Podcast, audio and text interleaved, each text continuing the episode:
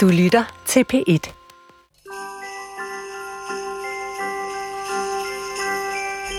Jeg har glædet mig ekstra meget til i dag. Fordi i dag vil jeg få Eva til at afsløre, hvordan hun har præsteret at være mor til otte børn og samtidig blive professor i jura. Det er overmenneskeligt, uforståeligt, uopnåeligt. Jeg vil aflure hende alle tips og tricks og notere dem til juletalen. For der er helt sikkert rigtig mange mennesker, mænd som kvinder, som kunne have glæde af at få indblik i den kabale. Altså, der findes noget, der hedder work-life balance. Har du hørt det udtryk? Ja, det har jeg sådan set. Øh, og det kunne jeg forestille mig var noget, der navnlig var svært for kvinder. Fordi det er det der med at få familien og, og, og alt det der til at fungere sammen med arbejdet, ikke? Okay. Altså, jeg har regnet lidt på det, ikke? Ja. Altså, det kræver faktisk ikke så meget. Man behøver ikke at være matematiker for at regne sig frem til, at der er simpelthen hverken nok timer i døgnet eller nok dage i ugen til at udfylde alle de funktioner, som du har gjort i dit liv, samtidig med, at du havde otte børn. Jeg forstår overhovedet ikke, hvordan det har kunne lade sig gøre. Altså, hvordan har du gjort det, Eva? Altså, for det første har jeg jo ikke otte børn. Jeg har fem, eh, seks mener jeg, og så har jeg to i weekenden, ikke? er en skøn talevej. Ja, jeg har, så har jeg to i weekenden, ikke? Altså, så det er jo, øh, de har deres egen mor, og, og hun tager sig en hel masse ting, som har med dem at gøre, ikke i, der, i deres hverdag. Jo, men seks børn, er, altså selvom det er bare seks børn, Ja. fem, seks børn, Ja. noget i den retning. Det, det er omkring. Ej, men så må du tænke på, at seks børn, det er ikke seks gange en. Altså, da jeg fik mit første barn, der kunne jeg ikke fatte, hvordan noget menneske kunne klare andet end at passe et barn. Fordi han tog jo hele, hele mit døgn. Altså, så skulle han have mad, og så skulle han skifte, så skulle der gås tur med ham, så skulle hans tøj vaskes, så græd han. Altså, der var jo hele tiden noget med, med det barn, ikke? Øhm, men, og, og jeg var jo, altså, han, så havde han også kolik, så han, han græd typisk i en, i en periode mellem to amninger, om jeg så må sige, græd og græd og græd og græd. Man måtte gå, gå med ham, gik der med barn over, når der var rødt lys, så stod jeg og trippede, ikke? så begyndte han igen. Øhm, og så kan jeg huske, når han så faldt i søvn, så var der, gik der ikke ret lang tid, før jeg tænkte, gud, nu er han vel ikke død, eller sådan noget. Tiptude derind for at kigge ned, og han er vel ikke, og han lå helt stille, og så rørte jeg jo sig med en finger, og så vågnede han jo ikke, altså, det var et helvede, altså. Øh, men jeg var også nervøs for, fordi jeg synes, det der lille skrøbelige væsen, det kunne jo, altså, det kunne dø mellem fingrene på mig, tænkte jeg. Så man, man, måtte jo, man måtte jo være over det hele tiden, man måtte jo også sove lidt, så man hurtigt kunne vågne og høre, om der var et eller andet og sådan noget. Men så gik det jo godt med det første barn. Han blev stor og tyk og spiste og blev fræk og løb rundt og legede og sådan noget. Og så, så tænkte jeg jo med det næste barn, det er nok ikke, hun er nok ikke så skrøbelig, som jeg havde forestillet mig.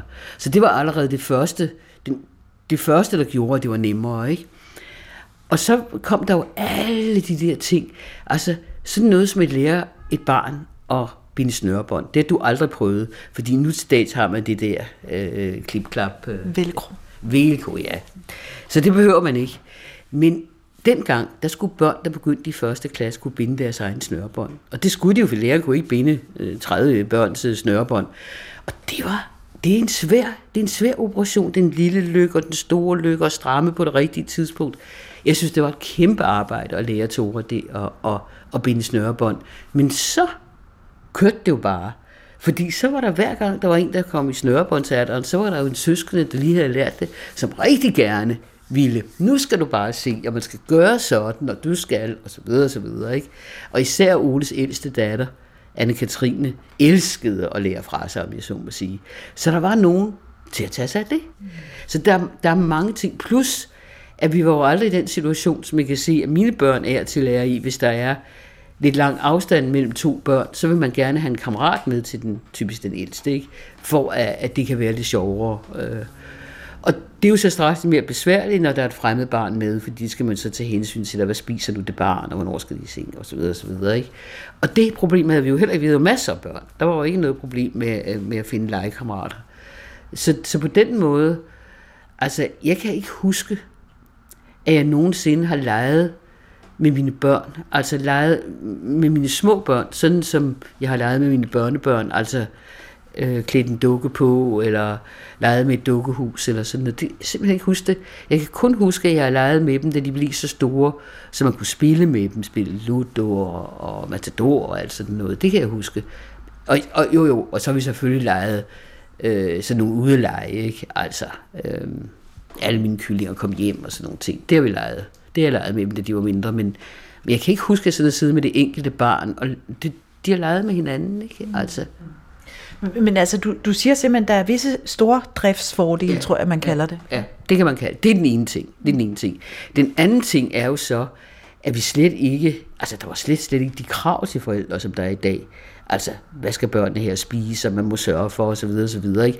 Jeg gik ud fra, at når de fik sådan en sådan forholdsvis normal kost, og der var øh, nogle gulerødder og nogle æbler og, og, og, og, og sådan noget, så, så, så var det sikkert udmærket. Og jeg var ikke dybt bekymret, hvis et barn i en periode ikke ville spise, sådan som jeg kan se, at mine børn er. Så tænkte jeg, at jamen, han, den ser jo ikke øh, for sulten ud, eller han har nok en periode, hvor han ikke er så sulten, og det lader jeg bare være. Ikke? Altså, det var ikke noget, jeg sådan gik og tænkte, nu har han ikke spist noget middagsmad, nu må jeg endelig have noget i ham, inden han går i seng. Altså, det, det, øh, Altså, ja, på den måde har jeg altid tænkt, at det var jo sunde og, og raske og glade børn, jeg havde. Så, så der var ikke nogen grund til at tro, at jeg skulle tænke særligt på deres mad. Det var det ene. Det andet er så alle de møder, man skal gå til i dag. Altså, jeg tror, vi havde, jeg tror, vi havde måske i, i, i øh, folkeskolen to møder om året. Et sådan et stort møde med alle forældrene, og et, et møde med vores eget barn. Eller måske var det kun hvert andet år, vi havde et møde omkring vores eget barn. Men det var det. Altså, der, øh, nu er der jo masser af møder om alle mulige ting, ikke? Og jeg kan jo også se, at dengang, der var som regel en eller anden, når vi holdt det store forældremøde, der var sikkert der var som regel en eller anden hjemmegående mor, der havde ville bage nogle småkager, altså eller til kaffe med, eller sådan noget. Men nu skal man jo komme med en lille lækker ret. Og jeg kan jo se, hvor forfærdeligt det er, hvis folk går uden om ens lille lækre ret, ikke? så står ens børn jo der og siger, mor, de spiser ikke noget af vores pastasalat. Og, altså, det, det, jeg, altså, jeg er ikke særlig god til at lave mad. Øh, og jeg vil aldrig, jeg ved slet ikke, hvis jeg skulle have klaret at stå for sådan en lille lækker ret. Øh, altså, En lille lun ret. en lille lun ret, ja. Plus, som sagt, alle de der møder. Mm. Der er ovenkøbet klasser, hvor de holder møder kun for forældrene. Og jeg kan for så vidt godt forstå det, fordi jeg kan godt se, at hvis der bliver nogle problemer i klassen med mobning og sådan noget, så er det meget nemmere, hvis man har siddet til en fest og snakket med nogen over en øl og ringet til dem og siger, nu skal du bare høre, din lille Lukas, han er altså i gang med noget, som... Det kan jeg godt se. Men det er jo bare tiden, ikke? Men, men Eva, vil du så sige, at der har været balance imellem dit work og dit life, om man så må sige? Nej, selvfølgelig har jeg ikke haft tid nok til mit, mit hjem. Det, jeg har ikke haft tid nok til mine børn. Det, det, det, det kan jeg se. Øh, og jeg, Hvordan kan du se det? Ja, men det kan jeg se på... Øh, jeg kan jo se på... Øh, altså allerede dengang tænkte jeg faktisk, at jeg burde tage en halv time om ugen, hvor jeg gik en lille tur med hver af mine børn, for lige at høre, hvor de var henne, og om alt var i orden og sådan noget. Men det blev der jo aldrig rigtig tid til. Øh, Øhm, vi tog på en rejse med alle børnene, når de var omkring 10 år, med dem alene. Ikke? Og jeg kan huske, at Tore, min, min øh, svigermor, sagde til ham, hvad glæder du dig mest til ved rejsen, Tore? Sagde han, jeg glæder mig mest til at sidde i toget mellem Eva og Ole, og der er ikke andre, der forstyrrer os. og så tænkte jeg alligevel, ja okay, ikke? Det er ikke noget med, at han glæder sig til at se Paris eller Eiffeltårnet, vil bare sidde imellem os, ikke? Og sådan lidt.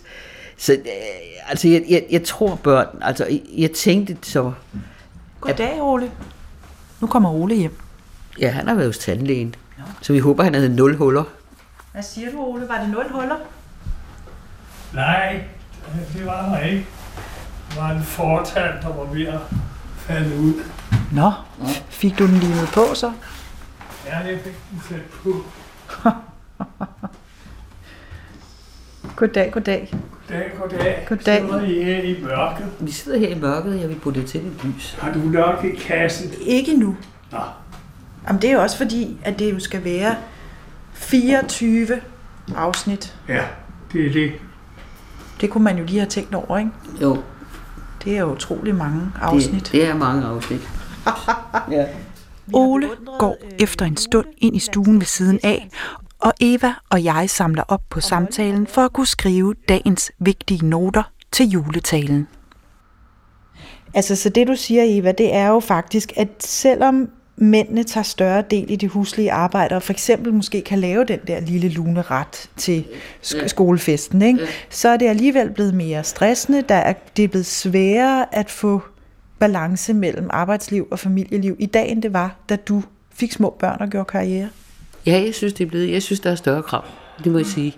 Altså, jeg, jeg, og, fordi kravene er blevet mere udtalt i dag på en helt anden måde, og du bliver bedømt på dine børn, på en, eller føler i hvert fald, at du bliver bedømt på dine børn på en anden måde, end, end du gjorde, da jeg havde børn, om jeg så må sige. Øh, øh, men en anden ting, jeg har nok også haft et rimelig hektisk liv. Det begyndte allerede, mens jeg læste, hvor jeg, hvor jeg ligesom sagde til mig selv, jeg kan, hvis jeg skal klare de her studier og samtidig passe ungerne og, og, og, og gøre alle de andre ting, jeg skal, så må jeg udnytte hvert sekund.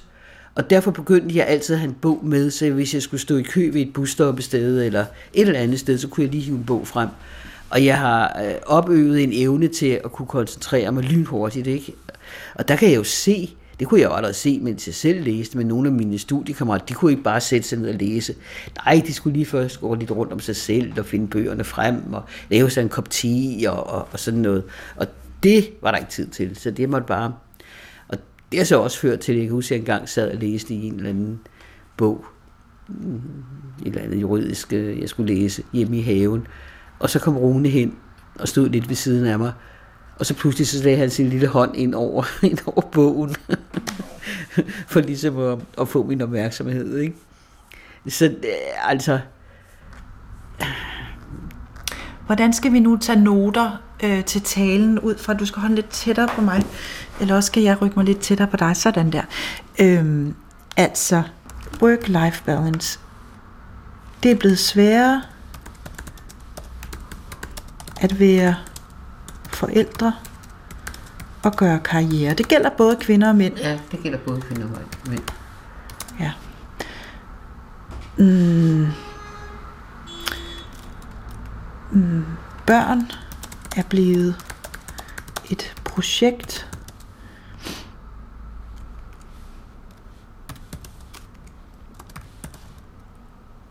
Og så synes jeg, vi lige skal rette blikket indad og skrive, men hvis Eva kunne gøre noget om, så ville hun, du, have haft mere tid til børnene. Ja, mere alene tid, vil jeg sige. Ja, mere alene tid Med det enkelte barn. det enkelte barn. Men Eva, jeg har altså også hørt, at uanset hvor mange børn man får, så vil man gerne Har haft mere have tid haft til mere dem. tid til ja, dem. Ja, Også selvom man bare har to. ja, det tror jeg egentlig også. Mm. Det tror jeg, det, Så det kan vi lære noget af. det... Ja, jeg tror, at du har ret i det. Det, øh, men, ja. Ligesom man jo også gerne ville have haft mere tid med sin mand, kan man sige. Ikke? Jeg må indrømme, at det trøster mig lidt personligt, at Eva synes, det er blevet sværere i dag at være forældre og gøre karriere samtidig, fordi kravene til forældrefester, aula og glutenfri mad er blevet højere og højere. Tak for nu. Vi ses i morgen, Eva. Gør vi? Hils Ole. Ja, det gør jeg. Det er godt. Hej hej.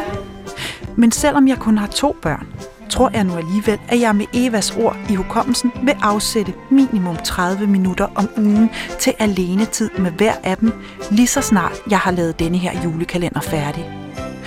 For der er stadig meget, vi skal nå inden den 24. og håbet har vi ikke fundet endnu. Så hvor skal vi mon lede, Eva?